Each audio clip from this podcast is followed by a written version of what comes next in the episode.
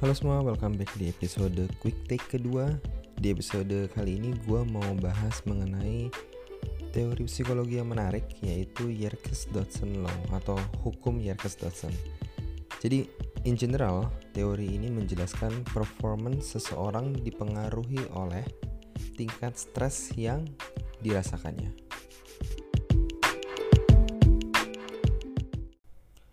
Oke, sama seperti episode sebelumnya, pada cover art di podcast kali ini bisa teman-teman lihat sebuah grafik yang membandingkan antara mental arousal dan performance.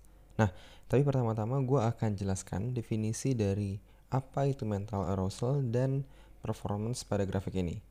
Jadi, mental arousal adalah suatu dorongan eksternal yang diberikan pada diri kita yang membuat kita terpacu untuk melakukan suatu pekerjaan atau aktivitas. Nah, pada grafik ini mental arousal gue anggap sebagai suatu input. Nah, contohnya nih ya, bisa mulai dari perintah dari atasan kita, request dari klien, uh, atau tugas pekerjaan lain dari orang lain terhadap kita.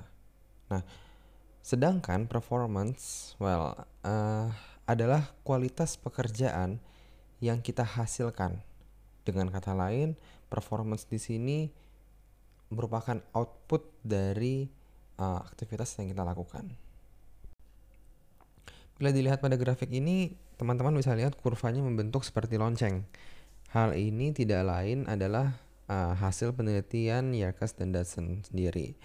Bila kita bagi nih, maka pada sisi paling kiri itu menjelaskan bahwa tanpa mental arousal atau trigger yang cukup, performance kita relatif akan rendah. Sebagai contoh, Pernahkah kalian ngerasa malas melakukan sesuatu karena tidak ada urgensi untuk pekerjaan yang mau kalian lakukan? Nah, pada posisi ini cenderung kita menunda pekerjaan karena kita ngerasa masih memiliki banyak waktu. Nah, inilah yang dijelaskan pada bagian sisi kiri ini di mana menurut gua jumlah input pekerjaan yang harus kita lakukan itu lebih kecil dari kapasitas kita. Nah, Di sinilah mental arousal atau trigger atau jumlah input pekerjaan yang cukup akan memaksa kita untuk memaksimalkan kapasitas bekerja kita sehingga output dari pekerjaan-pekerjaan yang bisa kita lakukan itu bisa menjadi optimal. Inilah titik tertinggi dari kurva Yerkes-Dodson ini ya. Nah, kemudian bisa kita lihat pada sisi sebelah kanan kurvanya kembali menurun. Hal ini tidak lain karena biasanya kita sudah uh, kewalahan dengan banyaknya hal yang perlu dilakukan.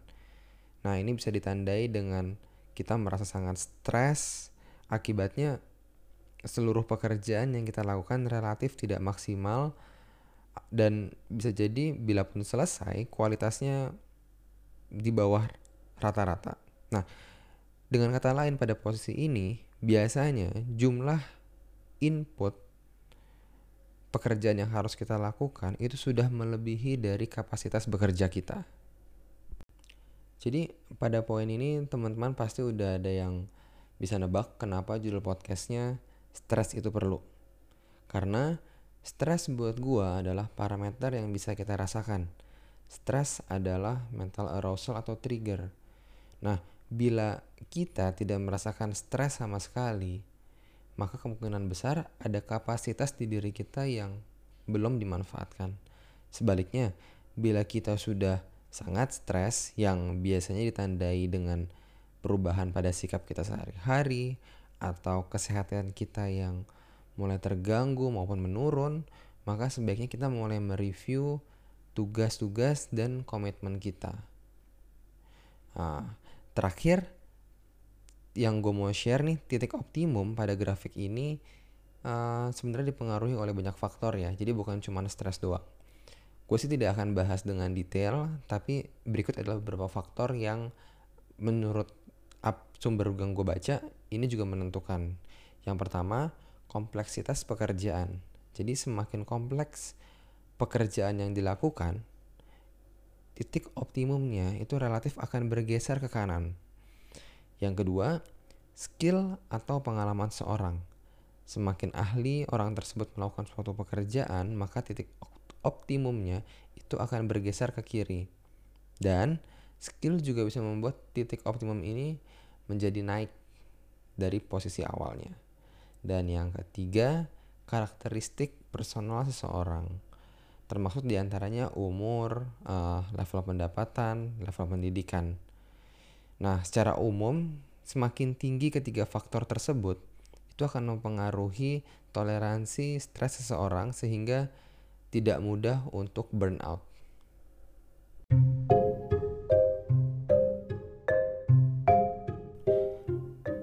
Jadi kesimpulan yang bisa gue ambil dari Yerkes Dodson Law ini adalah pertama stres yang kita rasakan itu tidak selamanya buruk.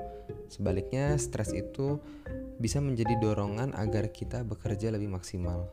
Yang kedua, kita perlu mengenali stres yang kita rasakan supaya kita bisa merubah menjadi suatu dorongan positif. Jadi penting buat teman-teman untuk kita bisa mengevaluasi trigger yang menyebabkan kita merasa stres sehingga kita bisa memiliki kontrol untuk mengatur stres tersebut. Dan yang ketiga, setelah kita bisa mengenali stres yang kita rasakan, kita perlu belajar untuk bisa mengendalikan jumlah stres level yang kita terima. Nah, bila kita merasa kurang, maka cobalah untuk mencari tantangan atau tugas baru atau komitmen lain namun bila ternyata kita sudah berlebih level stresnya, maka bisa kita coba untuk ambil libur, uh, time off dari pekerjaan yang kita lakukan atau kita memanage ulang ekspektasi orang-orang di sekitar kita. Jadi prinsipnya jangan takut untuk menerima tantangan, pekerjaan atau tugas di luar zona nyaman kita karena stres yang kita rasakan bisa jadi membuat kita bekerja pada level optimum um, sesuai dengan kapasitas kita. So, itu aja yang bisa gue share di podcast kali ini. Semoga sharing ini berguna dan berhubung background gue bukan psikologi, silahkan bila ada teman-teman psikolog yang mau memberikan koreksi. So, see you di podcast selanjutnya.